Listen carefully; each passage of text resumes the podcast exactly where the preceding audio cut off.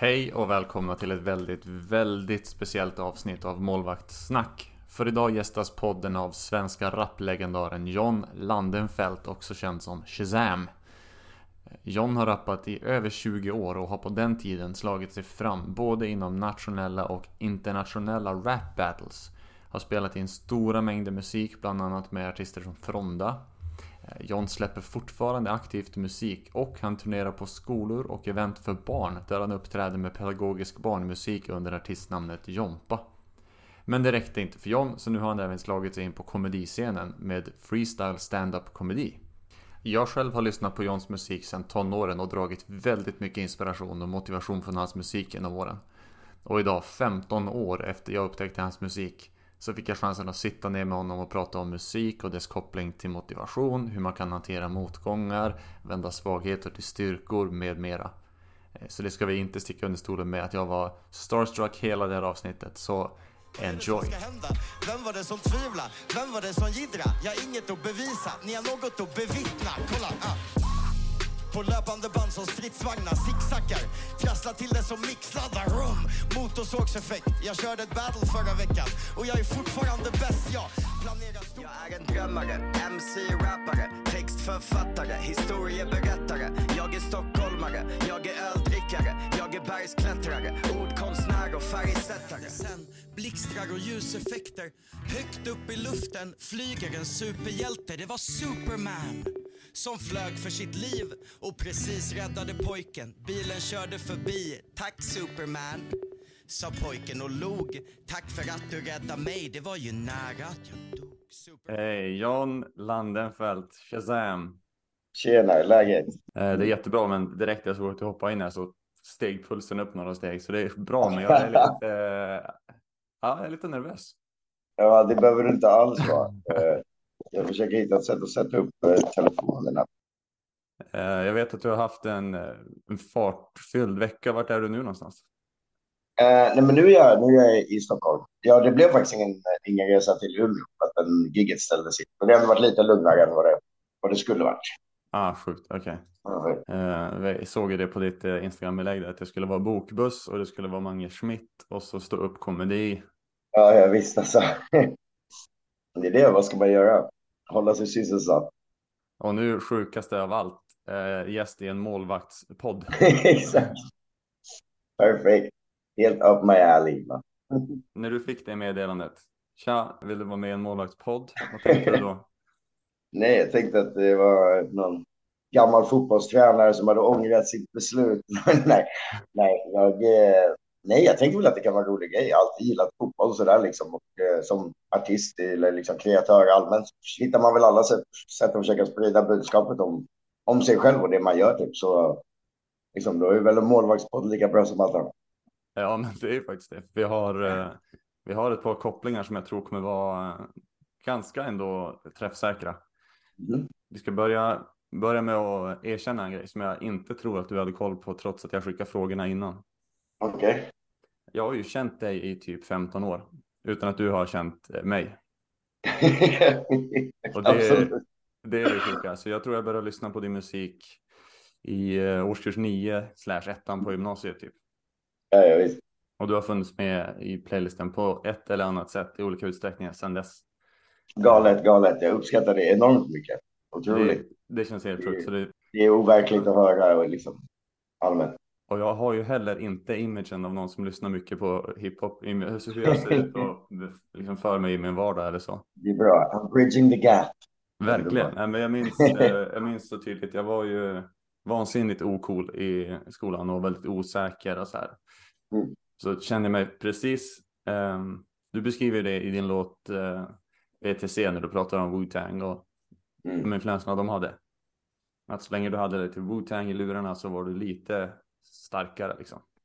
Exakt. Den känslan hade jag satt hemma och lyssnat på på Reefa och det gör de här verserna. Så att... Det var sjukt häftigt. Sjukt häftigt alltså. Det är ju liksom, det är en sån där grej som blir så här, det är bara svårt att ta emot egentligen på ett rimligt mm. sätt mer än att det är, det är vansinnigt eh, häftigt och coolt. Att man har kunnat bidra på så sätt. Liksom.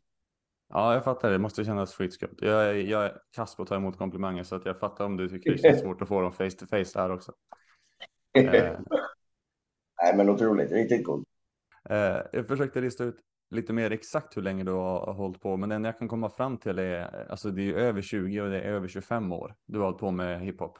Det är ju det. Är ju det. Jag brukar säga att eh, jag brukar säga som en, alltså att, det, att jag har rappat i 23 år, men, men som sagt, jag tror att, det att jag började säga det för några år sedan också. liksom. Men eh, så absolut över, över 20 år. Jag säger det på en kommande låt, att nu, nu har jag rappat så länge snart att Leonardo DiCaprio skulle dumpa mig. Fy fan, jag hoppas folk fattar den referensen. Mm. Eh, varför började du rappa? Vad var det som gjorde att det här? Jag vet att eh, Jo, MTV Raps var en grej. Absolut, men till, till en början så var faktiskt jag, eh, jag var, jag var värsta fotbollskillen och, var sjukt intresserad av fotboll och spelade och min farsa var tränare och väldigt så här, eh, och liksom det var, det var så här, största grejen. Men sen eh, har jag alltid gillat att skriva och i, i skolan skrev liksom typ där, noveller och tyckte liksom svenska lektionerna var roliga på det sättet. Och sen min syrra började lyssna på Wu-Tang Clan. Och så direkt när jag hörde det så jag bara, men det här är det häftigaste som finns i hela världen. Liksom. Så då var det ju, då var det ju kört. Och det var ju så jävla mycket ord och, och liksom det där du snackade om att man får känna sig lite häftigare och liksom bara, ah, man kände sig stenhård med de där lurarna liksom. Och så det, det hjälpte mig som fan som liten också liksom. Ja, det gjorde Så det. då blev det så givet att, att man skulle börja prova och det är väl så, det är det som är kul med rap. Jag brukar säga det så här, det, det, det är enkelt att rappa men det är svårt att vara bra på det. Alla, alla och liksom alla har en rapvers. Alla har provat att skriva en rapvers någon gång eller liksom provat att rappa. Ja men du vet, alltså alla verkligen typ.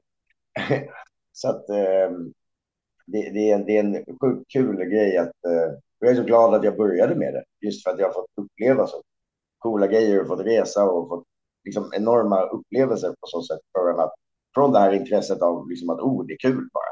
Och det har ju hiphop varit en enormt stor del av. För att liksom, det är inte många som får liksom, man får inte åka runt så där kanske och liksom battla eller göra vissa av de grejerna om man, om man bara är, skriver noveller. Nej, nej, det är klart. Men hade du folk runt omkring när du gjorde din första liksom, när du gav dig in på det från början, hade du folk runt om dig redan då som var Nej, inte alls samma egentligen. liksom?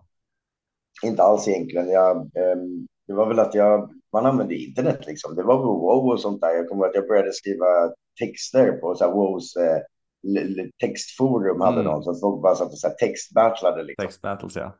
Ja, exakt. Så det var typ där jag började liksom. Och, så, och då började det bli och då blev det så här shit. Så efter ett tag var det så oh, folk har börjat spela in.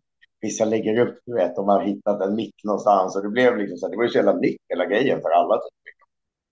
Och, och då blev man ju bara mer och mer peppad och mer peppad. Så wow var ju en enormt stor del av, av det. Ja, Att man fick-. Jag fick kontakt med så började jag text battle crew med typ folk från liksom hela Sverige. Och alltså, du vet, det är ju sånt där som, då var man ju nära dem, även fast kanske inte liksom alla, alla polare runt en höll på eller var lika intresserad. Sådär. Men sen, sen har det i perioder, du vet, det har gått perioder då alla mina kompisar var rappare, vi hade en grupp också, sen bara alla slutat. Liksom. Som du säger, för att alla ville prova liksom. Ja, ja, exakt. Men om man kollar på influenser, jag vet att två av dina stora influenser, bland annat är Cornelis Vreeswijk och, och Wu-Tang och så här. Och trots det, när man kollar på hur du skriver nu, liksom med all, Mm. verkligen är så mycket koll på stavelsen och grejer. Den, stö, den som jag tänker på direkt då, det är ju Eminem. Ja. Med just hur du sätter upp. Så Jo, men det är väl klart. Det är väl det här liksom, alltså när det är just den här eh, multigrejen, att det är mycket flerstaviga rim och, och också en, en, att det är en skrytsam, liksom, det är battle rap typ av rap även på låtar liksom ibland. Och det är väl det som eh, kan låta väldigt Eminem tror jag, på det sättet. Men, Men- är det men- medvetet en influencer eller har du bara... Nej, det är klart, vadå? Eminem är ju övergrym liksom. Det är klart att man har lyssnat och, och diggat Eminem som fan. Jag menar, liksom jag är battle rapper också, så jag menar 8 Mile kom ut, jag dog ju liksom. Alltså det är klart, det var ju, Ja. så att, jag menar, jag kan, det kan man inte sticka under stolen med att Eminem är liksom en enorm inspiration på det sättet. Absolut, men inte så att jag har försökt låta som honom liksom. Nej, precis, nej, nej. Det med Men- stilen. Man hör ju på, jag, jag gör den kort- tolkningen i alla fall på din, eh, ditt, eh, ditt första Spotify-album i alla fall, R. Mm. Mm. Eh, så har du ju de här Paul Rosenberg-sluten. Ja, ja, visst. Där Eminem pratar med sin producent. Det, det tänkte jag också så här, det här låter som, som det liksom. Ja, ja visst. Ja, det är de med han komikern Kristoffer Appelqvist ja, som, som ringer och kritiserar. Ja, det här kommer inte sälja Ring mig. Exakt. Hilarious. Du valde ju att ja, men det finns massa olika jobb där man kan tjäna pengar och göra det lite rätt för sig, men jag, det, jag vill göra det här. Ära eller brista, jag ska göra det här och så får det vara tufft ett tag och jag ska fan komma igenom. Liksom. Mycket kortare tid för mig visserligen, eh, så gjorde jag också den satsningen. Jag hade en heltidsanställning som gruppchef i flygvapnet uppe i Luleå och jobbade som Mm. väktare på G4S och jag har på med innebandy i 16 år men på sidan av. Så bestämde jag mig för att jag ska göra det här nu och det fuck allting annat. Så jag sa upp Mm. mig från heltidsjobbet och så flyttade jag till Göteborg, startade eget företag för att börja frilansutbilda målvakter och målvaktstränare i föreningar och såna grejer. Så jag vet ju precis när det var som jag valde att satsa helhjärtat på det. Kommer du ihåg när du valde att äh, nu är det det här? Oh, det, oh, jag vet inte. Jag tror att ända sedan man började som jag eh, hade jag liksom drömmen om att, här, om en, att en gång kunna jobba med det och kunna, kunna göra det liksom, på så sätt.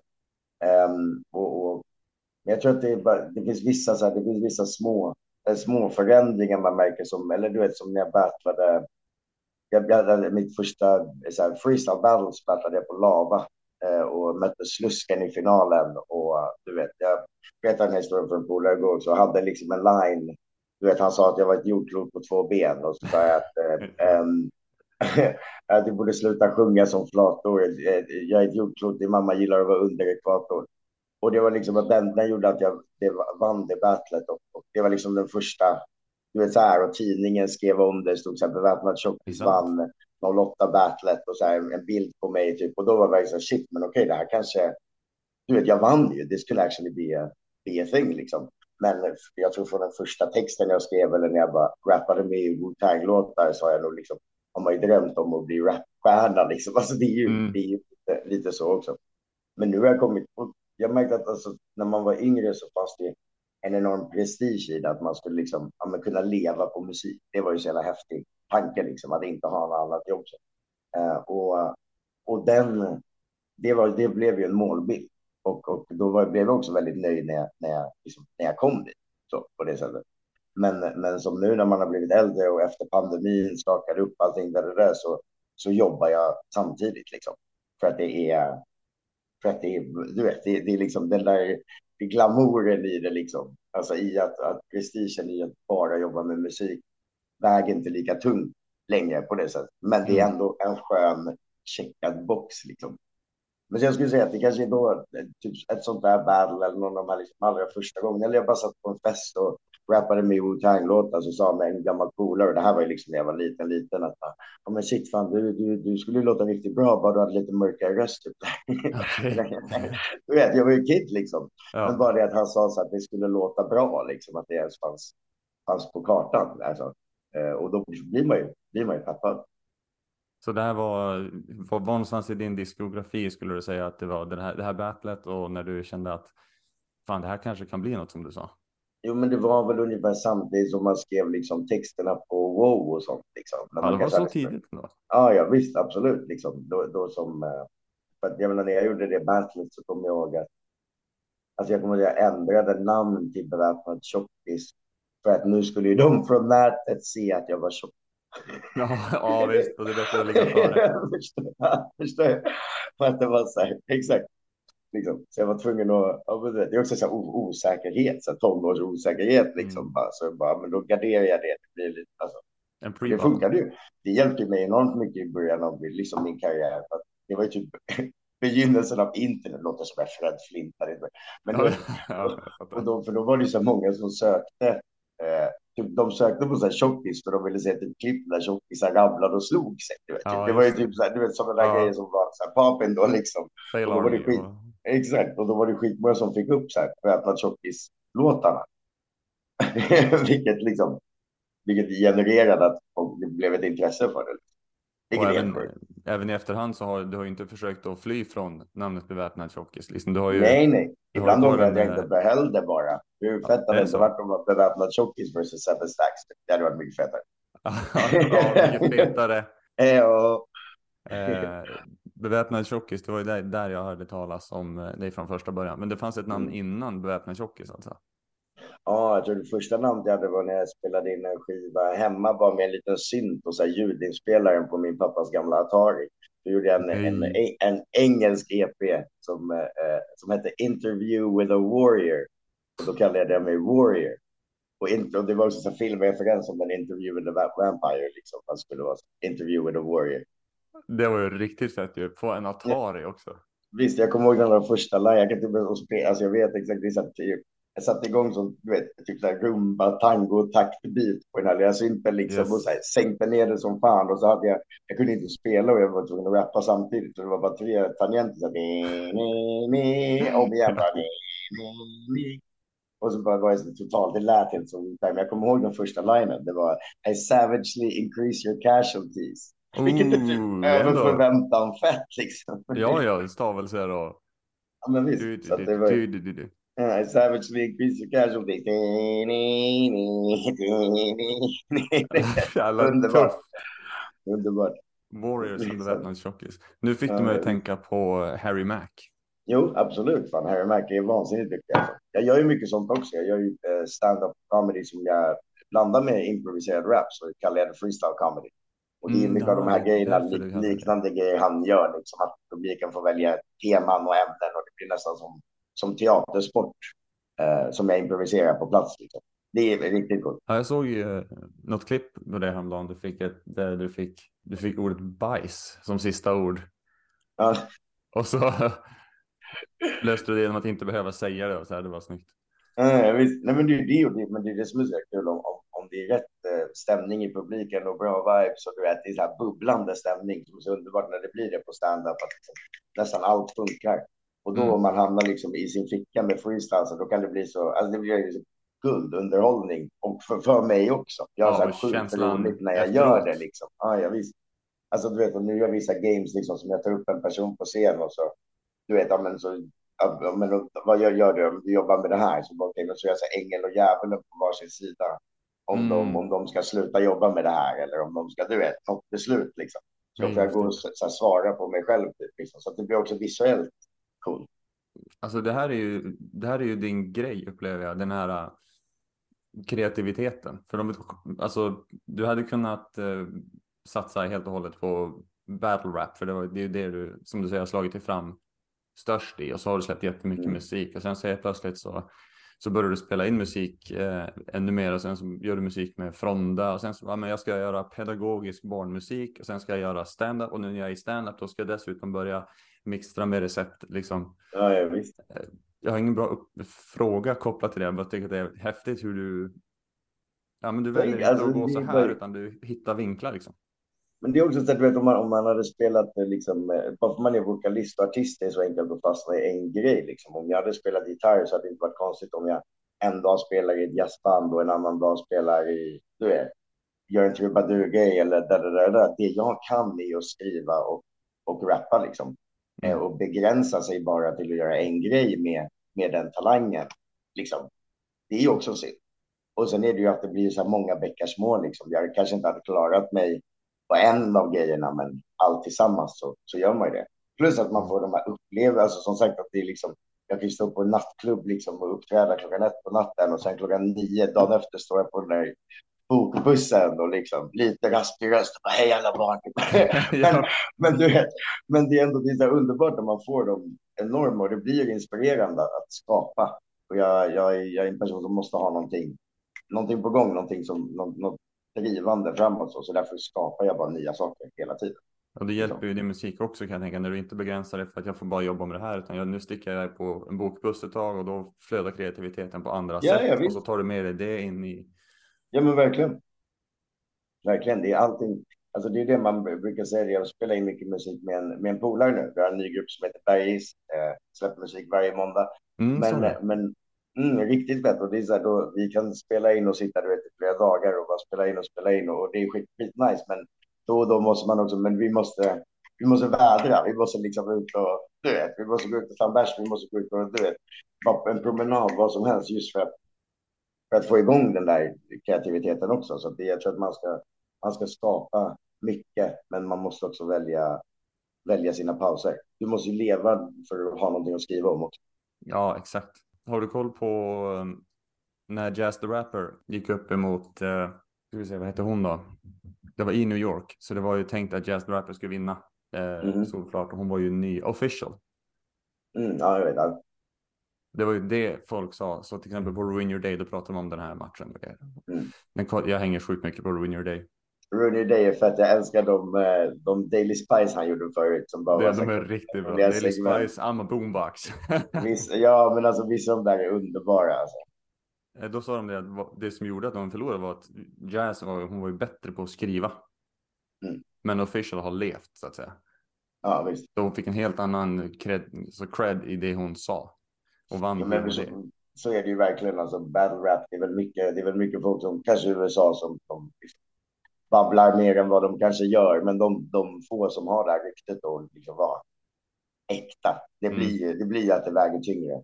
Oavsett nästan allt liksom. de gör. Ja, men exakt. Liksom. Han är inte bättre än många andra, men det är ändå liksom. Han är, han är liksom, han har ju ändå den respekten på något sätt. Precis, det han säger det är inte så. Det, det såg jag på någon, också någon uh, Ruin Your Day. Så Mm. pratade de om bad bars. Det här var, så det här var, nej det här var Don't Flop Bad Bars episod var det. Mhm. Då tog de bara upp en bar och så skrattade de åt den och sa de att I'm like a retarded kid on a racehorse, stupid fast. Och så skrattade de åt den och så, det är skitkul. och så sa de Who said that line? Head Ice. Och då, då var det Tony D och de här var med. Då slutade de med skratt och så bara Head Ice can say what he wants. Han får säga vad han vill. det, det är underbart att få den konstnärliga friheten. alltså det är så dålig bar så det är inte klokt. Stupid fast. Ja, men ibland det behöver inte vara så du vet. Ibland kan de enklaste grejerna också vara väldigt roliga. Liksom. Alltså, Ja, det- visst. Ja, visst. Du ska få höra en koppling här då. Eh, freestyle-rap. Jag har faktiskt använt Harry Mac i ett exempel på ett landslagsläger med mina målvakter. Mm. För vi behöver ju kommunicera på planen, målvakterna. Vi behöver se väldigt mycket saker. Så när jag rä- räknar upp antalet grejer vi behöver ha koll på samtidigt så är det så här sex, sju saker. Så vi måste ha koll på vart vi står någonstans, vart målet är någonstans, vart våra motståndare är, våra medspelare, vart bollen är, vad klockan är. Mm. Det är minst de sex sakerna. Sen så kan man bli distraherad av publik, familj på läktaren, du kan bli distraherad av dina känslor. Det är mycket liksom i huvudet. Ja, ja, visst. Så inte nog att du måste se allt det här, du måste veta, du måste kommunicera. Du får inte liksom gå in i dig själv och spela målvakt, utan du ska spela med laget och styra och, och prata. Mm. Och väldigt lätt hänt är det att målvakter sjunker in i sig själv och så slutar de, slutar de prata. Och så Ja. blir det att får de feedbacken, du måste börja kommunicera. Så bara, men jag vet inte vad jag ska säga. Mm. Och då brukar jag Spela säga, bättre. Ja, exakt. Kom igen killar. Hjälp! Hjäl- hjäl- Hjälp mig. Holding on for dear life. Ja. Ja. Och så brukar jag säga det, det spelar ingen roll vad du säger. Du måste Mm. säga någonting, för om du inte säger någonting, då kommer du aldrig börja prata i matchen. Och då tog jag upp eh, Harry Mack, han blir ju eh, analyserad av någon eh, neurobiolog. Ja. Som pratar om det att det freestyle-rappare gör är att de förbikopplar den delen av hjärnan som, som är kritisk. Mm. Så att man får en, en idé i hjärnan och så vill man säga den och så går den till en del i frontalloben som liksom säger att som ställer frågan är det här bra att säga eller inte? Äh, låt det bli att säga den. Mm. Och det här är det som du och ni som är duktiga på freestyle inte gör. Alltså ni har inte tid att ifrågasätta om ni ska Mm. säga den här grejen, om ni ska freestyla. Som, det, som du sa i, i den eh, första regeln, om man tappar bort sig fort så ska man rappa. Bara säga Mm. saker. Ja, ja, visst. Men det är det som är intressant också, just för att jag gör mycket, eftersom jag kör mycket, mycket eh, kid, kids shows liksom, alltså för, för yngre barn så, brukar jag ibland försöka lägga in freestyle där. Men det är just den grejen som är svår, för att då måste jag censurera. Förstår du? Då måste Mm. jag skicka den, då måste jag skicka den förbi det stället. Mm. För att jag kan inte säga vad som helst framför Nej. kidsen. Men, men det tvingar mig, alltså det blir det är en enormt bra träning också. Att, vet, man måste verkligen väga det, det beslutet. Liksom. Medan typ på stand-upen så är det ju, där är det ju väldigt högt i tak på, på vad man kan säga. Liksom. Ja, det är klart. Och det är som sagt, det måste gå fort när du står där i, med, på bokbussen så att säga. Ja men visst, alltså, ja, ja. För att det, du vet, man vill ju inte, man vill inte se liksom. Och grejen är att det är freestyle. Och, för folk tänker att jag, att man skriver, jag säger ju egentligen inte saker jag inte har sagt. Eller Jo, det gör jag ju, men, men det är ju som att jag har skrivit så mycket texter och, och freestylat så mycket och rappat så mycket att jag har liksom som ett, eh, ett bibliotek av, av rim. Och det är ju, det är ju assonansrim, så att det är, det är baserat på stavelserna. Mm. Så att därför kan jag höra ett ord som jag kanske inte har hört ordet förut. Men jag hör stavelserna och stavelserna har jag en flik på. Förstår du vad jag menar? Right. En flik med, med rim på det liksom. Så att, så att då om jag, till exempel som vi har sagt, tio ordstavla så får publiken välja tio ord. Mm. Då ser jag det där och då, då står jag liksom, så står morot. Då är det mitt huvud, jag tänker oh, oh, oh, oh, liksom. Och, det, och, bara, då, det, och så hitta någon av dem och placera. Och så placerar man den innan, för att då blir alltid mycket bättre. Och du vet, när, när jag tänker snabbt, du behöver känna, du känner ingen oro.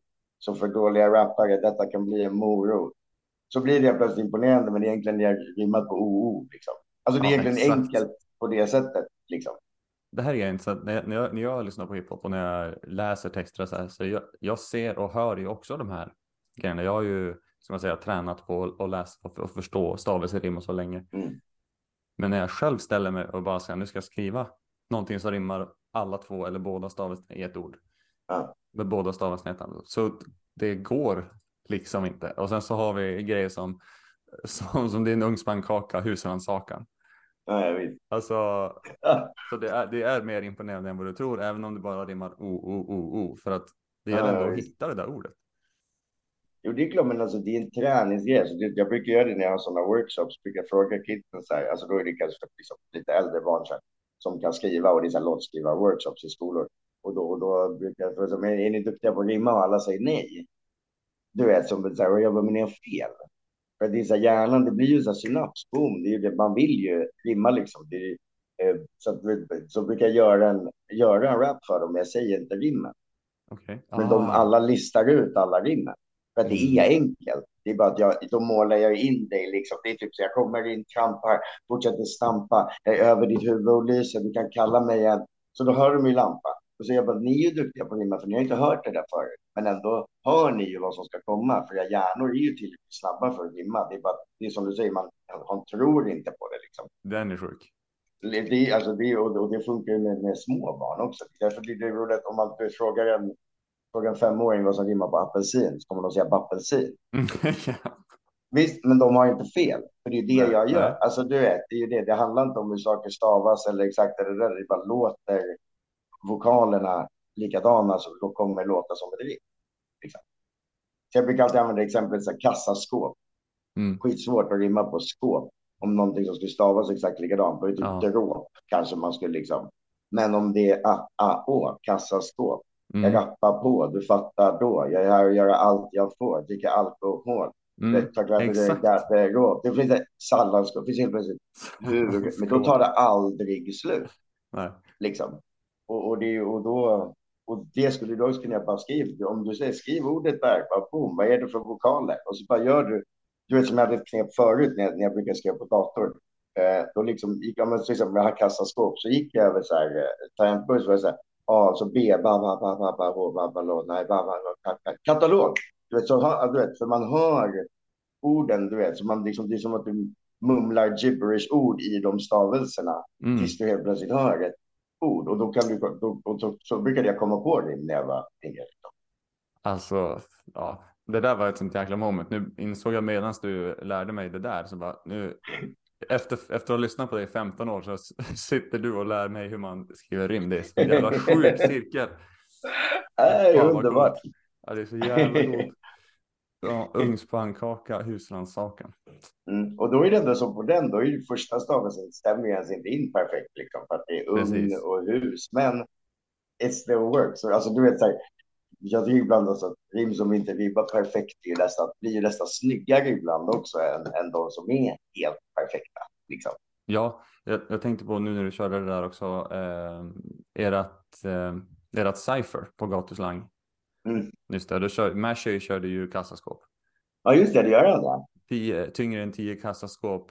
Eh, jag kommer inte ihåg exakt, men de, de sa att jag skulle panga på och säga pang, pang, panga på. Ja, så då visst, kassaskåp och panga på. Visst. Det är ju tokfett ju. Ja. Och du vet, men som sagt, om man sätter, du vet, sätter med vem som helst och börjar rimma på kassaskåp och sitter och försöker hitta stavningen, då är det ju liksom, är, i princip, alltså du vet, nästan till omöjligt. Mm. Och vilket bara det där lilla sättet bara låser upp. Så jag brukar säga det till de här kidsen när vi gör låtskrivar så nu ska jag berätta branschhemlighet. hur, hur, hur vi, Branschhemlighet. eh, eh, branschhemlighet. Ja. Hur, vi, hur, vi, hur alla som skriver låtar använder sig av rim liksom. Mm. Och det brukar, det brukar alltid vara coolt. Jag skriver så här katt, varför rimmar katt på hatt? De bara, men det är att, att. Jag bara, men jag tycker att katt rimmar på glass, saft, plats. Mm. Alltså du vet, och så kan jag skriva upp sjukt många rim liksom. Och de bara, men det rimmar ju inte. Och så rappar jag med de rimmen som jag skrivit upp och då låter ju det som, Så funkar det. då låter det ju som, exakt, och då blir de så här, vad shit, det funkar ju. Jag bara, så, ni kan inte säga till mig att ni inte kom på rim, för det är, it's a lie. Och, där, och där är grejen, du såg, du såg i vilket format du fick frågorna och såna grejer från mig. Mm. Det är ju det är sådär min hjärna jobbar liksom. Det är Jo, men det är strukturerat och det är punktform och det är liksom, där ska det vara, måste det vara Jo, men det här måste komma efter det här. Jo, men speciellt när vi gör de här för liksom små, alltså för, för yngre kids, liksom, då, jag, jag målar upp en så här, liksom, alltså jag målar upp ett papper så här. Och så skriver vi ett, två, tre, fyra längst upp, så fyran kommer längst ut på kanten. Ja. Då vet jag att i takt går en, Mm. två, tre, fyra, en, två, tre. Och sen börjar de med att skriva rimmet under fyran, för då har de med Just ett, det. två, tre, katt, ett, två, tre, hatt. Och sen hittat mängden ord och fylla ut det. Så att då blir det det blir nästan som ett, liksom, som ett korsord. Alltså jag Aha. skriver ju inte så strukturerat längre, men för folk som, det är det jag menar, det är väldigt enkelt att rappa. Det på det sättet liksom. Det är det, så här, om man har hållit på med det. Men det, det är en- egentligen syftar på där, det är som du säger att om man, om man ska titta på exakt stavning, då blir det ju svårt. Så där behöver man ju släppa lite på gränserna om man ska kunna. Exakt, ja, stavningen kan du skita i, men det är alltså strukturen. Speciellt när du är nybörjare så är det ju bra. Men vadå, det är enkelt, jag kan få en klass på 25, eh, liksom 13-åringar och göra en låt två timmar som aldrig har gjort det förut. Ja, Som ändå blir liksom okej under förutsättningarna. Liksom. Just för att jag hittade ett bra sätt att förklara det. Det är därför jag gjorde en sån här ljudbok som finns på Storytel också, som heter Lär dig rappa. Som är riktad till yngre barn, som är verkligen exakt det, det här sättet jag har listat ut hur man, hur man lär ut det på, ett- på ett Mm. liksom, effektivt sätt. Så, här. Liksom.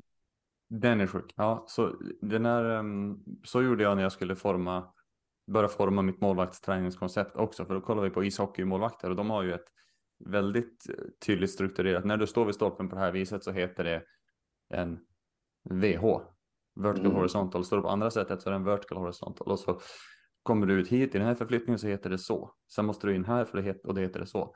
Och innebandy är mycket nyare sport så vi hade liksom, du har en målgård och du jobbar i målgården. Sen fanns det inga referenspunkter till vad heter förflyttningen, hur ska jag ta mig dit? Så det fanns liksom inga tydliga namn och platser så här. Ja. Det var det första jag gjorde. Om jag byggde ett koncept, så här, om jag skulle bara ta det här konceptet och applicera det på 100 målvakter så skulle 95 förstå. Mm. Och få en grund. Det var faktiskt eh, det som var mitt tankesätt där också. Sen finns det ju rum Ja. för individualitet där i såklart. Jo, men visst är så. Ja. Man brukar säga det också, att den här strukturen är ett tips Mm. på hur man kan göra det, men det är konst. Så att ni kan inte göra fel. Ni får göra hur ni vill. Men gör ni så här så är det liksom, det här är en bra sätt att börja på. Mm. Och på Liksom. tal om inte perfekt, du, du sa ju en, en grej i Cypern där också. Eh, jag har ingenting, inget att bevisa, ni har något att bevittna. Mm. Det rimmar, det rimmar ju inte heller, men man hör, sen kommer inte ihåg ordet var före bevisa.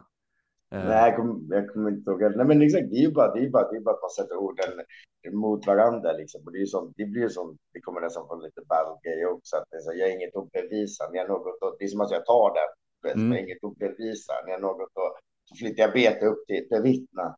Så att, som att jag använder samma B, bara att det är samma bara stavelser. Men det blir så i upplägget att du vet, den stannar kvar och så bara byter jag ut den andra och det, det är det som gör det coolt. och temat mellan de två funkar fortfarande. Det är det som är Ja, men exakt, exakt. Och det, det är sådana som är liksom, eh, alltså sådana, jag vet, min, min boy Rest låtit att man vänder på saker, du vet.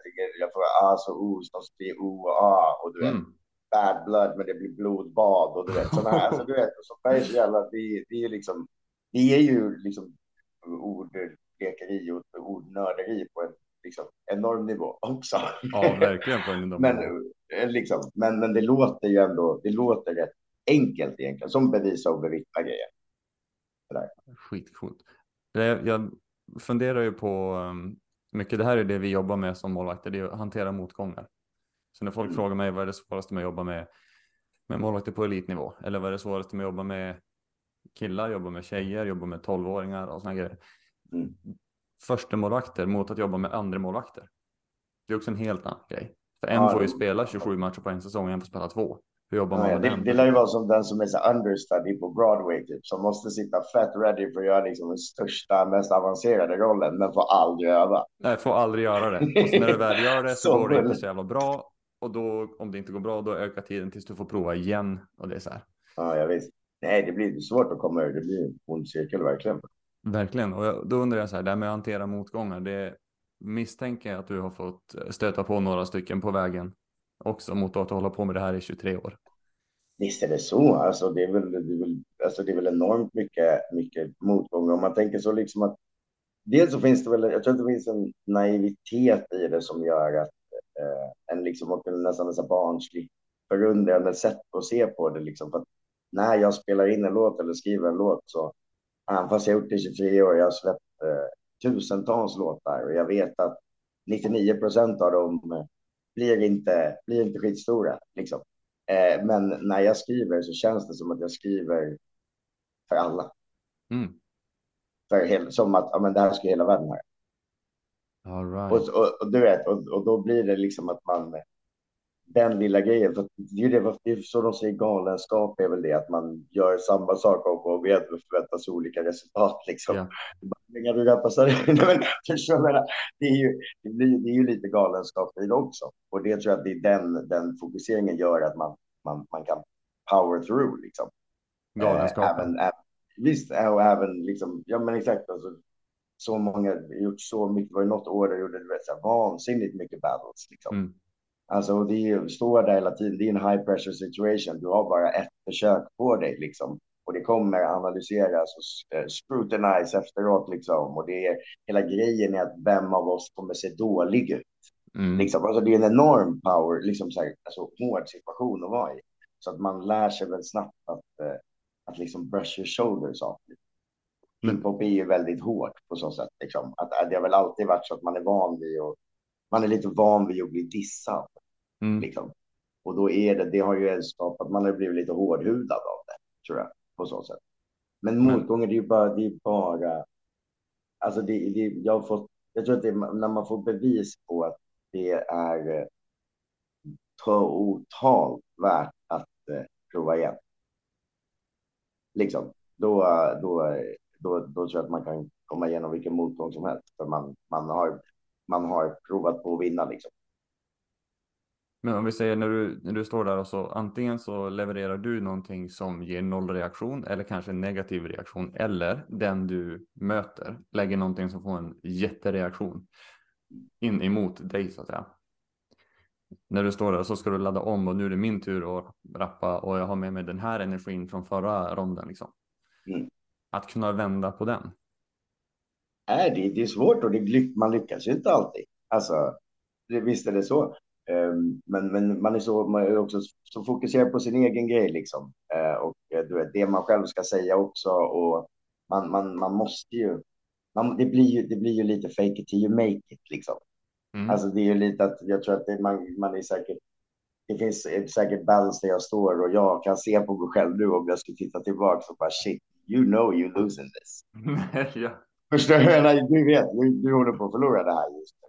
Men, men det får jag inte visa liksom. Mm. Så det blir också att, liksom att man, alltså, man nästan, ja, men alltså, man nästan fejkar ett självförtroende. Liksom. Och då kommer man, det är också enklare att ta sig igenom motgång då. För att, förstår du? De bara, fuck it, jag blev rånad, jag borde ha vunnit. Mm. Liksom. Så det är också ett, alltså ett sätt man kan göra det så. Men, men eh, Rappare har ju um, en sån grej historiskt också att oavsett om man är bäst i världen eller inte eller känner sig som bäst i världen eller inte. Mm. Antalet rappare som säger att jag är bäst i världen och du får, du får tro vad du vill.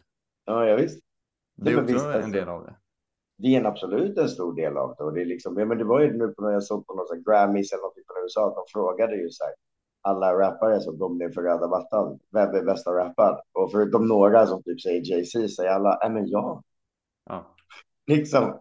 Och även fast folk som är så här, du vet, de vet att de inte är, de nästan garvar. Men det är så här, men de måste ju säga det. ja, men då måste ju det. Och det är det du brukar säga till kidsen också. Det är väl det som det väl, jag kan tänka för målvakter också. Liksom. Man måste ju du måste heja på dig själv. Du måste vara, ingen kommer liksom heja på dig själv lika mycket som du kommer göra. Ingen kommer vara, det är liksom look out for number one. Man ska inte vara egoistisk. Du ska alltid du vet, tänka på laget. Eller, men heja på dig själv. Var på mm. din egen sida. Det finns alldeles för många som är så liksom som inte vågar heja på sig själv. Så jag brukar mm. börja alla sådana med, med, med tonåringar och sånt där liksom och gör sådana workshops. Brukar inte säga det liksom, men alla alla tar ett varv nu och så säger ni ert namn högt och tydligt och några grejer som ni är bra på. Mm. Och hur svårt det här är för de flesta. Mm. Men när jag säger det, jag, bara, men alltså, jag ska stå och prata en timme om saker jag är bra på. Jag, jag är van vid att bygga upp och heja på mig själv. Och det tror jag det är enormt viktigt om man ska, vad man än ska göra, om det är kreativt eller, eller liksom hård träning eller vad som helst. Du måste, du måste vara på din egen sida. Alltså det, tänk, det var ju samma med mig inför det här. Det gick, jag gick ju i några timmar med det här meddelandet i hand. Ska jag skriva till John? Alltså det, jag, det, kan jag, det kan jag ju faktiskt inte göra. Det är ju en jätteskum grej att fråga. Liksom. Ja, men det är klart jag kan. Du kan säga nej och så är det fine. Det är ju det som är grejen. Så det, jag, jag, skrev först ett helt meddelande, sen såg jag bort det så gick jag in på. Jag jobbar ju som personlig tränare nu mm. på ett gym, så det är det jag gör utöver innebandyn. Mm. Så körde jag det där och så så det tog bort och så gick jag in på gymmet och tränade och så mitt under passet så bara nu skickar jag skiten. Spela han, han, han får säga nej liksom. Alltså man måste ju bara go, man måste bara go for it. Liksom. Alltså det är ju det. Det är ju fan. Livet, livet är för kort. Det låter som en sån klyscha, men det är ju verkligen det så också. För fan, det är liksom, det är, om det är något du vill, bara go for it. Och universum har ett sjukt sätt att, att fall in line liksom, eh, på, på saker man vill ha. Jag, jag, jag tror väldigt mycket på så positiv visualisering på sättet, men inte på, liksom på, på, ett, på något slags magiskt sätt så där, utan som ett fokus. Mm. Liksom på samma sätt som eh, om, eh, om det är ett par som, som, vill, som är gifta och vill skaffa barn, liksom, och är skitsugna på barn, då ser de barnvagnar. Eller du vet, ja, men jag är sugen på att skaffa hund. Kolla, alla har hund. Kolla vilken söt. Det är inte mer hundar. Jag ska berätta för min sambo sen det med hunden. Det är inte mer hundar. Det är inte mer barnvagnar. Det är bara att du är sugen på det. Mm. Liksom, så att om du, om du väljer att heja på dig själv och se möjligheter för dig själv så kommer du få mer möjligheter. Liksom. Och jag tror man nästan, och jag började lära mig använda eller försöka använda det liksom, så att jag började så här backtracka liksom. Som eh, jag brukade jobba eh, för många år sedan på förskola ute i Nacka och då tar man bussarna eh, från en ställe som heter Londonviadukten och där är det där Viking Line-båtarna avgår ifrån, de här stora liksom, kryssningsfartygen. Eh, och jag brukade alltid stå där vid den busshållplatsen. Och du vet, man skulle åka och jobba så tittade jag alltid på båtarna och du vet, folk som, folk som kom skulle åka båtarna och de, de var hypade liksom. Jag bara, fan vad mycket roligare mm. det hade varit att åka på den här båten än att, än att behöva gå och jobba. Och mm. tänkte så varje, varje dag, varje dag i flera år liksom. Eh, och sen det första jobbet som var tillräckligt liksom, eh, lång tid och tillräckligt mycket bra betalning att jag verkligen kunde säga upp mig var från Viking Line. Förstår du? Jag tror att du vet, man, får, man får se det hur man vill, men om jag väljer att se, om jag väljer att se den magin i det, liksom, mm. det också det ger mig mer, mer anledning att heja på mig själv. Liksom. Och jag provade faktiskt med, med, med, med en så barngrupp för, då, liksom, i samma veva. Då, och då var det en, en, en, en liten, vad var hon, fyra, fem år, så kom hon fram och hon bara, men jag vill ha en polkagris. Jag bara, men jag har ingen polkagris. Så bara kom jag på den här grejen, du vet, ja men vadå? Jag bara, men sätt dig och rita en polkagris. Så bara ritade hon en polkagris. Och bara, men jag har gjort det. Jag bara, men rita. Det är lunch om en timme. Så här. Rita så många polkagrisar du kan. Så här. Du vet, så hon gjorde ju det. Du vet, kids bara, 10-20 stycken bara. Dum, dum, dum, dum. Sen hade vi en liten promenad för att gå upp till, gå upp till matsalen då liksom. Så då gick vi genom ett bostadsområde med hus, eh, så villor ändå rätt fint. Mm. Eh, och så bara går vi där och så helt plötsligt säger hon så här, John, John, titta. Så pekar hon in på en, en garageuppfart och det, är så här, det står en bil och det är grus liksom. Mm. Och precis du vet, på sidan av däcket så sticker det ut du vet, två centimeter av en gammal smutsig polkagris. som, som någon, du vet, som någon har tappat liksom. Och jag menar, vi, jobbar, vi kan inte äta den liksom. Men förstår du vad sjukt det är? Hon hade aldrig sett den om inte hennes hjärna var liksom inställd på polkagrisar. Och det wow. kan man ju, det är därför, det är därför man ska liksom visualisera att du vinner, visualisera, känslan av att vinna, inte alltså du vet liksom hur, hur du kommer känna efter du har vunnit. Den här liksom, ja, men vad, vad ska du fira med efter du har vunnit? Det är liksom, ett, ett, jag älskar ordet visst. Visst, för att visst är ett, ett, ett, ett redan, redan ett ja som redan är ett ja. Okej. Visst, Det, det, är ett- ett ja som redan... Vad sa En gång till. ja som redan är ett ja liksom. Ett visst. Det är så här, visst. Det, det, ja, men vadå, vi, vi, allt kommer gå bra, visst. Istället för att säga ja, jag hoppas att det kommer gå bra liksom. Utan det är att man, du vet, du, du, du är redan i den känslan. Och då, om du hejar på Ja, dig själv, då är du i precis. känslan av att du All kommer right. vinna. Är du Nej, men liksom, Visst. så att, visst. Det är, det är en, det är en, det, och det är en, fokus, en fokusfråga tror jag. Ingen magiskt, utan en fokusfråga. Liksom. Fan, den där, är, den där måste du gå och bära på, den där polka gris-storyn. Den måste ligga, alltså, men den kommer jag gå och bära på nu tror jag. Ja, ja, alltså jag vet. Den är, det är en av de mäktigaste grejerna som jag har sagt just, i, just med sådana grejer. För det är helt. Det var så direkt på något sätt. Den är sjuk. Vilket var nästan lite så här scary. och du gav ju ändå att, ja, och sånt här så Stackars tjej, hon fick ju sitta och rita, rita pengar hela eftermiddagen. ja, men vad är det? Vad är det här för witchcraft kid? Get me money. Alltså gick hon och letade pengar, stackarn. Det är ju skitbra det du säger. Alltså om, om inte du hejar på dig. Så att du, och det, det här kan vi, återigen, det där som jag tycker är så häftigt, varför jag fick idén till att skriva till dig. Det finns vissa saker som bara är generella och passar in på flera saker. Typ spela målvakt och det du håller på med. Så om du står i en ring och du battlar eller du står vid en mick och du ska rappa. Om inte du tror på dig, då kommer publiken inte tro på dig. Nej, nej, visst Och då kommer du inte få någon reaktion. Nej, nej, det är ju verkligen så. Och om inte målvakten tror på sig, då kommer inte laget att tro på målvakten och mo- motståndarna kommer säga den målvakten tror inte på sig själv. Nu bombar vi. Ja, men exakt. Och det här, Nej, är, och då kommer han inte ha själv, då kommer han inte ha självförtroendet och skydda och han tar fel beslut och för mycket i sitt eget huvud. Men om man går ut och bara tänker här. Visualisera den känslan när, när bollen träffar handen för att du Mm. skyddar. Bam! Den känslan, Mm. liksom. Visualisera den. För det är den du vill ha. De, de ska ju inte göra mål liksom. Exakt. Det här är, det är en, eh, en målvakt ifrån, eh, ifrån Stockholm, ifrån AIK gjorde han sin, sina sista år Mm. i högsta ligan. Han är den målvakt på herrsidan som har stått flest VM-finaler. Patrik Mm, Åhman coolt. heter han, stod i AIK förut. Han gjorde en sån här grej varenda gång de körde line-up. I mål, nummer ett, Patrik Åhman. Och då, oavsett om han var ute på vischan och spelade inför 35 eller 100 personer. Mm. Eller om han stod i en SM-final. Så hade han samma grej varje gång. Så han gick ut, ut från målgården, in på planen och gjorde en sån. Mm. Det har ingen betydelse hur mycket folk som var där. För att han gjorde det för att visa att jag är här, kom igen nu boys, nu ska vi vinna Mm. det här liksom. Exakt, det är mäktigt. Det är mäktigt. Det är ledare också. Liksom. Jag tänker att målvakten ska väl ha väl en enorm ledarroll så där också. Ja visst, vi måste ju ha tryggheten att veta att om, om, om det är tryggt här bakom, då kan vi anfalla. Liksom. För det, Ja, ja visst. Och han själv eh, sa det till mig vid ett tillfälle att han, eh, han är helt säker på att det var en stor del till att han blev uttagen till landslaget överhuvudtaget. Hans pondus, hans energi. Liksom. visst. Det ska man inte underskatta. Nej, nej, för han gick ut han, han gick ut och flexade för han hejade på sig själv. Liksom. Ja, Och, och, och det här är det jag brukar göra. Ja. Och det brukar gå bra. och då får man en trygghet. Visst, exakt. Vad gäller eh, det här med, med motivation och musik som vi pratade om när du slår på Wu-Tang i, i lurarna eller om man är ledsen eller om man är arg. Det finns, liksom, det finns musik som kan projicera precis den känsla som du är ute efter. Absolut. Det är det som är så mäktigt med musik. Liksom.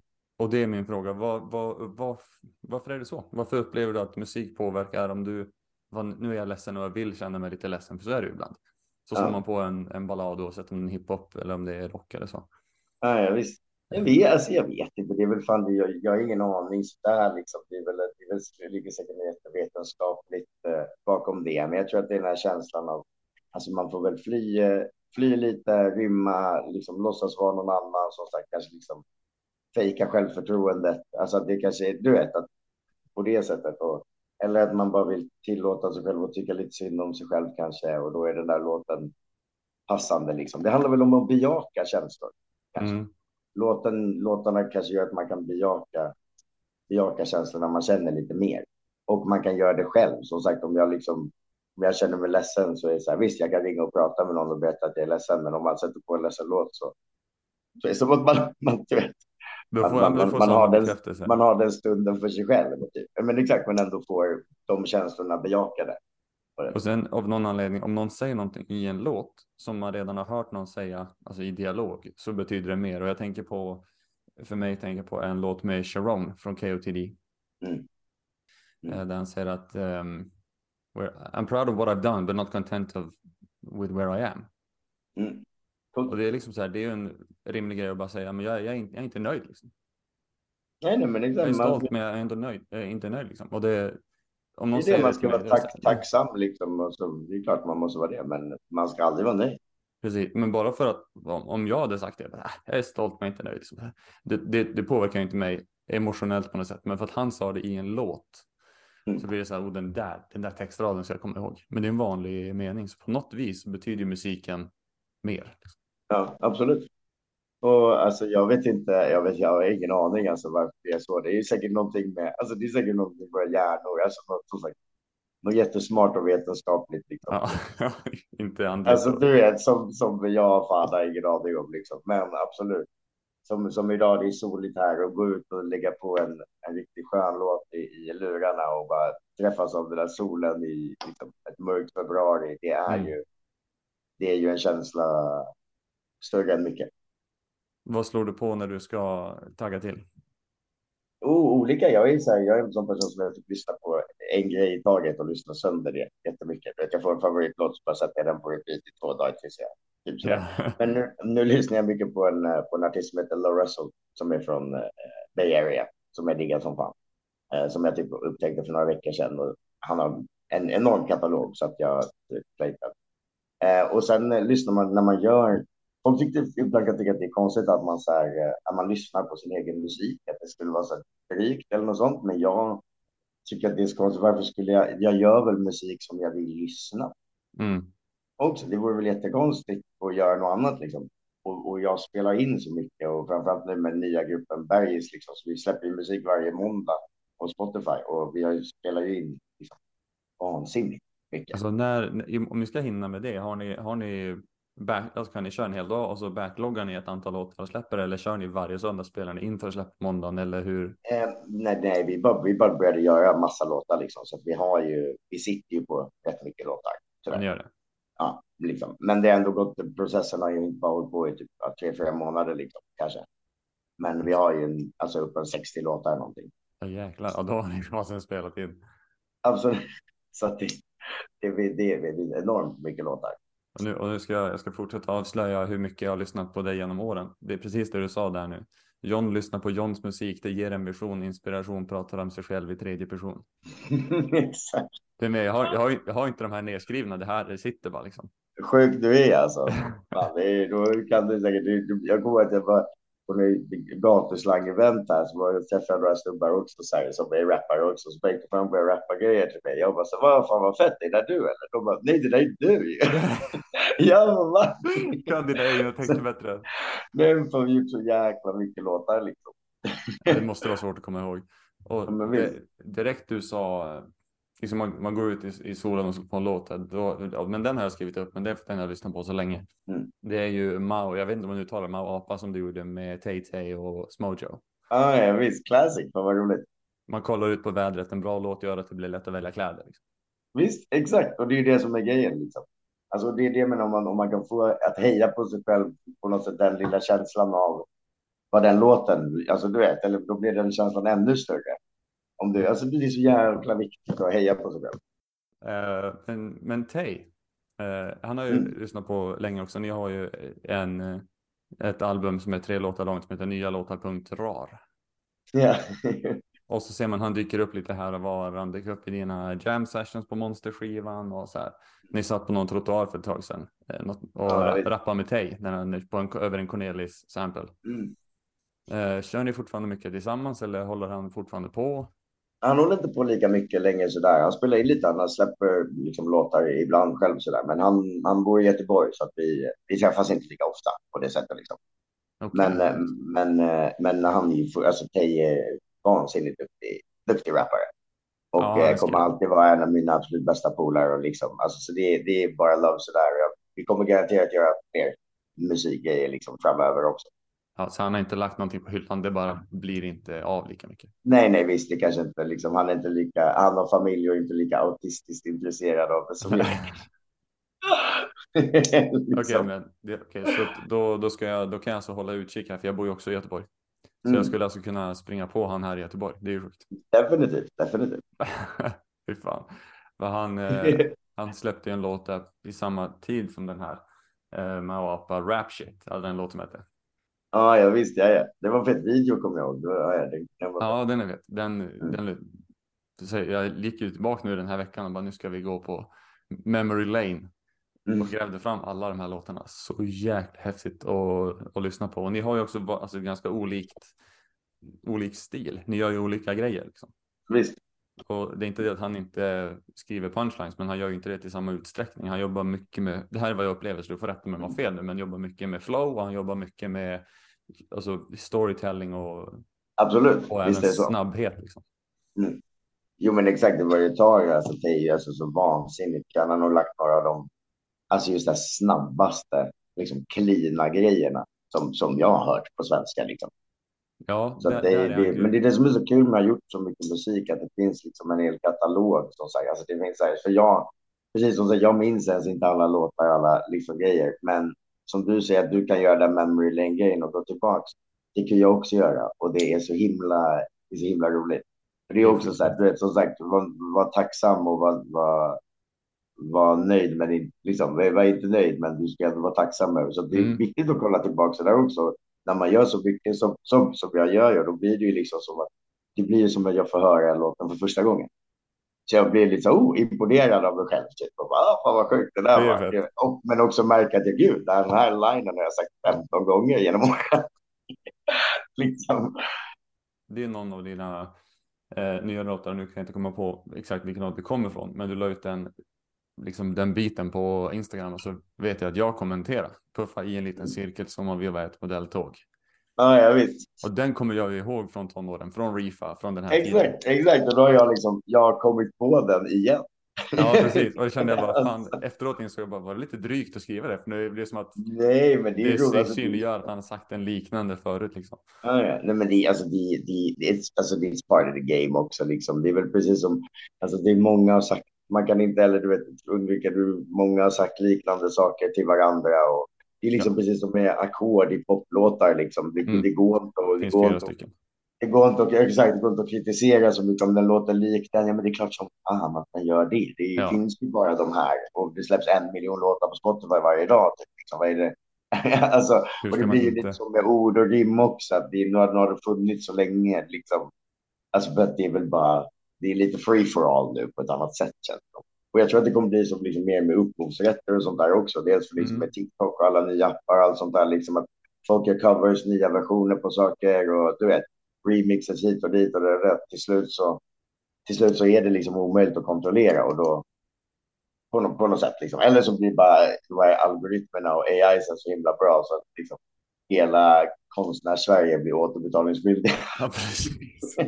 Det, det kan jag tycka är ett problem, det här med AI, och det kan ju många tycka. Men får man, lyssnar man på det här så får man förslag som är på det här spåret. Liksom. Mm. Det är ju lite segt. Alltså, det är svårt att upptäcka nya på när algoritmer föreslår vad jag ska lyssna på. Jo, men visst är det så alltså. Men de där algoritmerna, man vet ju inte exakt hur de, liksom, hur de funkar och vad som får dem att klicka. Det är ju det. Är ju det. det är därför jag menar, man kan inte, så som man spelar in eh, 99 av 100 grejer så liksom, blir det in- inte så mycket värst med liksom. Och det, det är ju så svårt att pinpointa de där. Mm. Som jag gjorde, jag gjorde en skiva då med Fronda som de producent som hade tio låtar, då monsterskivan. Mm. Och jag gjorde fem videos till den. Eh, och då gjorde jag ju på de liksom fem låtarna som jag gillar mest, trodde mest på. Liksom.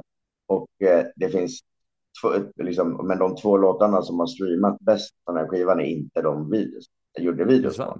Så det betyder att den liksom, som flyger, som är min största låt, alltså överdrivet störst låt, den var liksom, tyckte jag inte var mer än den sjätte bästa på den skivan. Alltså.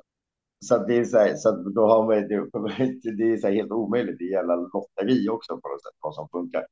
Och jag tror ännu mer så, jag menar som en amerikansk rappare som heter Russ nu, som han har ju typ, en av hans låtar är typ släppts för jättemånga år sedan, men på grund av TikTok är den typ den populäraste låten han har just nu. Och han, det är liksom så flera hundra veckor efter releasedatum. Sånt Ja. har ju aldrig hänt förut. Det liksom, och det är så att jag tror att de borde typ bara släppa på alla upphovsrätt och bara alla får göra vad fan de vill. Ja, för alla tjänar ju på det i slutändan ändå. Ja, jag visste det var kommer- mina barnlåtar. De var mina, liksom, mina de här Jompa-låtarna är med i liksom Kolmårdens barnshow som deras barnartister, barnartister står och rappar om liksom. Och först jag var ju så här, jag bara hallå, är advokater typ så här, Ja. Men, men, men det, är ju, det är ju cover, du får göra det liksom. Annars hade inte dansband funkat. Liksom. Nej. Och med alla de här grejerna som går liksom mot varandra snart så jag tror skivbolag och Spotify där de, de har liksom slutat försöka leta rätt på. Alltså du vet liksom, Mm. alltså, alltså, det, det blir väl eget ansvar, men frågan är hur det kommer bli i framtiden. Och nu är ju alla, är ju, alla, alla det är fler och fler eh, självständiga artister nu. Som, som blir ju skitstora. Verkligen, för att det, det är ju en helt annan grej nu liksom. Och jag menar, alltså, fan, på alla skivbolagsmöten nu så sitter de säkert bara och säger till artisterna och gör TikToks. Liksom. Alltså det är det och det kan du lista ut själv, gör TikToks. Också. Alltså, men det är ju det, du har ju bara de här eh, playlistsen och det, det är de som har blivit nya radio liksom. Eller nya, alltså det är det de eh, playlist-kreatorerna på Spotify är de som sitter på makten nu typ liksom. Och, och det, skivbolagen har ju bra kontakt med dem och det är ju en anledning. Men um, utöver det så finns det inte mycket, mycket anledningar längre Nej, att ha liksom ha, vara var, eh, signad på det sättet i varje fall. Liksom. Nej, varför ska du ge bort en del av pengarna liksom? Om man Ja, kollar men på Joyner Lucas som har gjort det helt själv. Ja, men visst. Ja, men det är han som han, jag nämnde också, La Russell, liksom, han har ju sådana grej att han delar med sig, alltså av procent på låten till alla verkligen som är delaktiga. Så liksom han som, du vet, spelar in i studion, han sitter där, är du med i studion och går och, du vet, går och handlar lunch åt alla, men du får en procent av låten liksom. Mm. Så att han bygger, alltså förstår du, så att alla sig sjukt. delaktiga och liksom, du vet, att det är så här, så det är jävligt fett grej, liksom, Ja, det man bygger, bygger, man bygger ett team. Jag släpper av skivor som är så här, pay, pay what you think it's worth, liksom. Just det. Så att man kan betala en dollar om man inte har så mycket pengar och få skivan. Men då är det ju också folk som diggar honom som fan som pintar in liksom 2000 dollar på skivan. Ja, det, Och det- och så det funkar ju, det-. Det, det, det är ett sjukt bra sätt och, och, liksom, och då, om du lägger in mycket pengar då får du procent på låten också. Så att det Ja, blir som att han skapar liksom, eller hur? Det är så här sjukt smart. Det, Ja, det skivbolag, skivbolag skulle inte kunna göra en sån grej liksom. Men jag menar om det fortsätter gå bra för honom så kommer han och liksom hans familj och alla hans kompisar. Du vet, alla kommer heja på honom som han hejar på sig själv för att alla är investerade. i. Mm. Och då gör man det tillsammans. Det är som man bygger någonting på riktigt. Liksom. Inte att man sitter på ett möte och hoppas att hoppas de ringer snart så de kan fixa radio åt mig. Liksom. Alltså, det, det, det, det, känns, det blir för, det går för sent. Liksom. Vilka fem låtar på monsterskivan var det som du tänkte de här kommer slå? Eh, vadå, jag gjorde video på, uh, får se, jag gjorde video på uh, Forever trodde jag på som fan. Ehm, eh, den, eh, vad fan heter den då? En rak höger, en, en verbal rak Ja, höger. en helt verbal. Ja, en helt verbal heter den, okej. nice. Och samma, samma den som är den med speedrappers, jag kommer inte ihåg vad de heter. Men det, den låten är fortfarande en av de bästa rapprestationerna jag gjort, som jag inte kommer på vad den heter. Konsten. Ja, konsten. Absolut. Absolut. Så de trodde jag ju mer på då än flyger liksom. Ja, nej, flyger är ju, så jag, jag tar fram här och tittar på, alltså du har ju, om man kollar på antal spelningar på, den, på flyger, Mm. skyhögt ju. Jo, jo, exakt. Och den varvar de andra liksom. Alltså alla har gjort det genom Ja, alla ja. år. Det är det vi, och det är så här, man vet ju inte. Det var bara någonting med den som, som resonerade hos folk. Liksom. Och sen har den ju, de, de, de har spelat den i någon sån sommarprat och sådana där grejer också. eh, som har typ hjälpt till att pusha den. Liksom. Men du vet, um, 50 Cents debutplatta Get Rich or Die Trying. Mm. De kom inte heller överens om vilken som skulle vara första låten där. Nej, okej, ja. Så när du spelar upp, undrar om det är i, eh, jag ska slå upp det för mig själv, det är introt. Så Mm. har jag först ett eh, sex sekunder långt intro. Då hör man en, ett coin flip Mm. och ett mynt som landar. Och det var för att eh, 50 trodde på What Up Gangsta och de andra trodde på, kommer inte ihåg vilken det var. Mm. Så de singlade slant. Det är häftigt ju. De singlade slant och landade på What Up Gangsta och Mm. då blev den plattan så bra som den blev. Ja, ja. Så det är som, det är som ju- du säger, de tror på olika låtar och så det går inte att veta liksom. Eller det är som Fronda, så när Frondas första hit rullade fram. Det var ju också en skivbolagskille som inte ville att han skulle släppa den först. Liksom. Okej. Alltså, och det är så här, du vet att det är han. Och du, du vet, det är, det, tänk om man inte hade gjort det då. Då hade det säkert varit en helt annan Ja, är trajectory för honom också. Så man ju, det är så jävla svårt det där. Och min personliga favorit från Monsterskivan, förutom Flyger och, och så, det är ju min mamma. Det var då, då skrev jag till dig också och bara shit. Mm. Det, jag Jag tycker den gillar är, den också, den den är så tung. Jag tycker det var fint. Det var ju så här, som sagt, det som jag säger i låten är ju sant också. Jag gjorde en låt liksom, som heter eh, till pappa då liksom. Och så bara, Mm. Jag kände att jag ska göra en till mamma. Jag började på den flera gånger, men det blev bara så sappy och det blev liksom inte nice liksom. Mm. Men så jag tror det det var det första Fronda skickade typ också.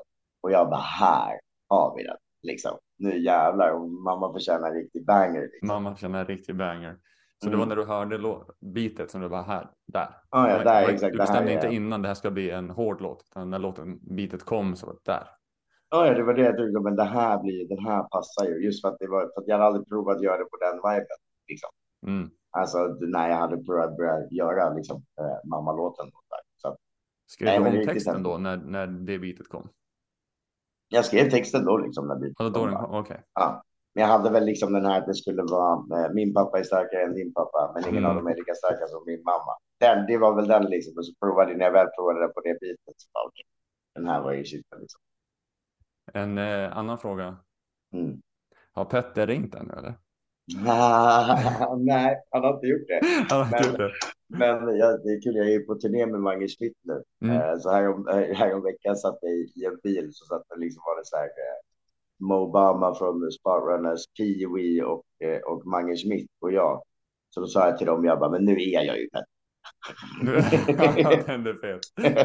Det, det är ju din nästa låt på det temat. Exakt, Ja, jag nu, nu, nu. nu blev jag Petter. Och jag funderar på det, Cyphern. Cypher-versen som, eller som ni alla la på gatuslang. Mm.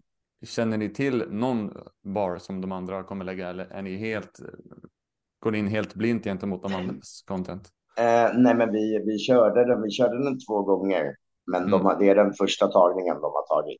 Ja, det är det. Eh, men, men, men sen gick vi och vi, vi, gick, vi gick och provade så visade lite lines till varandra. Jag tror vissa har grejer som de kanske har kört på vissa låtar och sånt där också. Mm. Liksom. Så att det var inget, det är ju ingen, det där var ju någon, det var ingen battle på så sätt. Det var ju, det var ju någonting vi skulle göra tillsammans liksom. Och det var ju MMB som fick det så bjöd de med mig och Finesse de tyckte det var en fet grej liksom.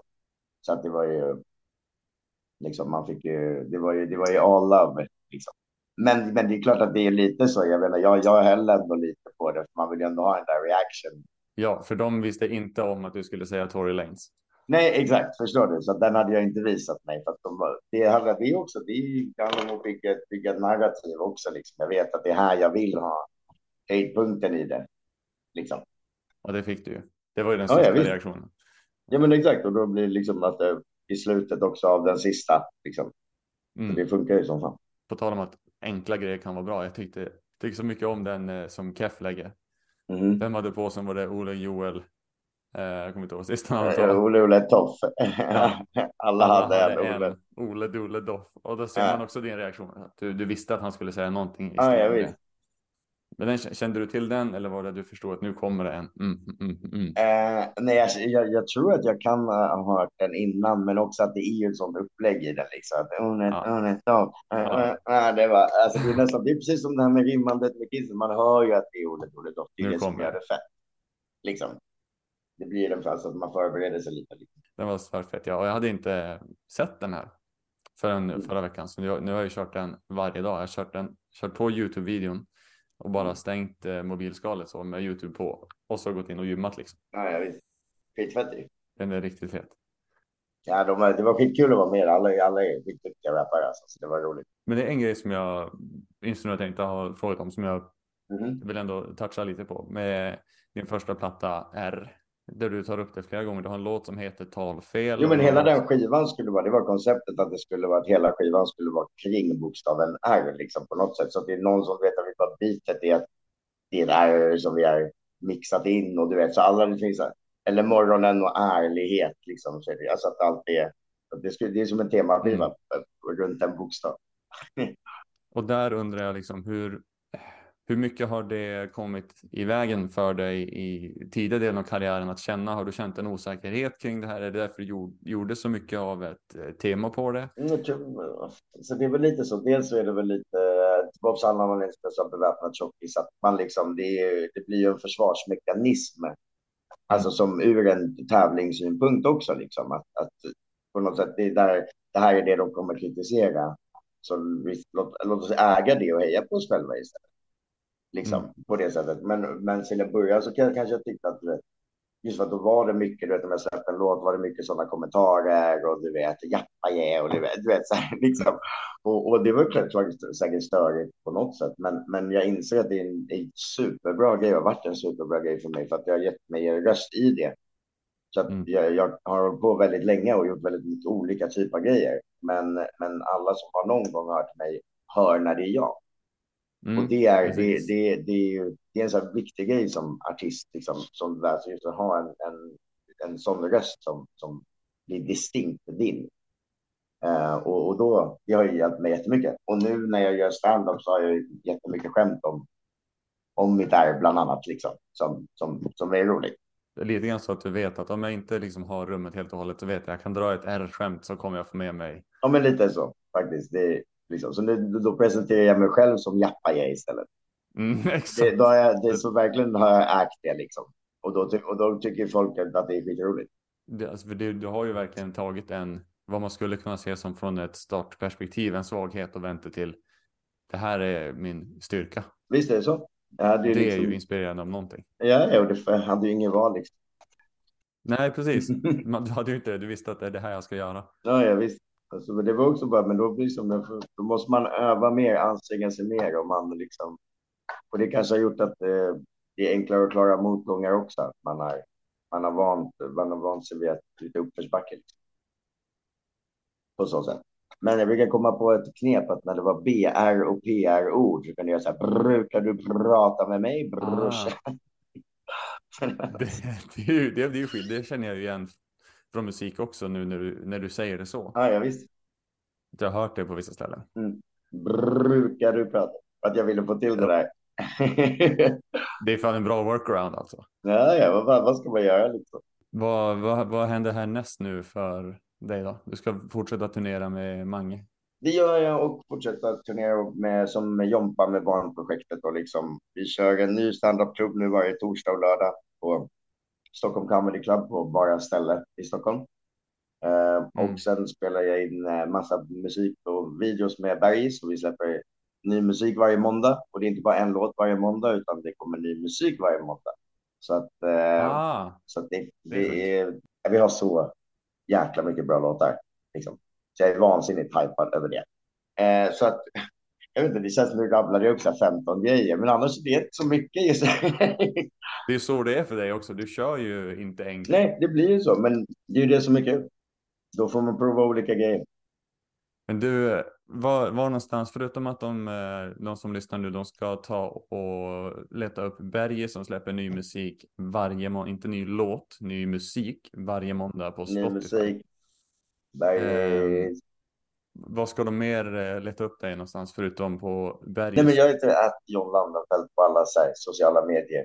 Eh, och sen eh, kolla in Bergis och är man i Stockholm eh, eller i närheten, kom till eh, Stockholm Comedy Club varje torsdag och lördag klockan 19.00 på bara ställe. För att jag headlinar nästan varje gång och kör massa skämt och massa freestyle och massa rap och det, det brukar vara enormt rolig stämning. Liksom.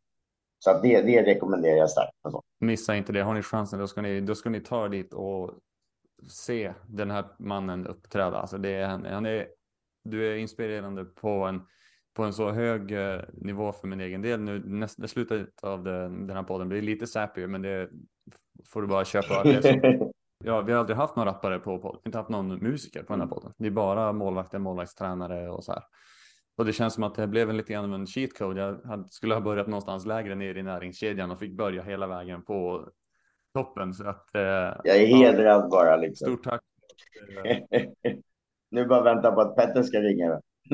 nu har vi en ny Petter. Han får, han får ringa dig snart. Du får ringa han. Du, tusen, tusen, tusen Tack. Tack själv, superroligt. Grymt. Se till att lyssna på Bergis och gå och se John på Stockholm Stand Up Comedy Club. Den bästa. Bergis varje måndag. Bergs varje måndag. Ta hand om dig man. Det är samma. Allihopa ni kan komma fram, behöver inte vara blyga Jag är pilot, ni är väl inte rädda för att flyga Har en förkärlek för att skryta Jag är som en lampa, en lampa lär må bäst när den får lysa Inte många matchar mina prylar This is why I'm hot Medan andra de fortsätter bara frysa Men jag hettar upp kylan Har svensk hiphop i min handflata som om jag tagit en lyra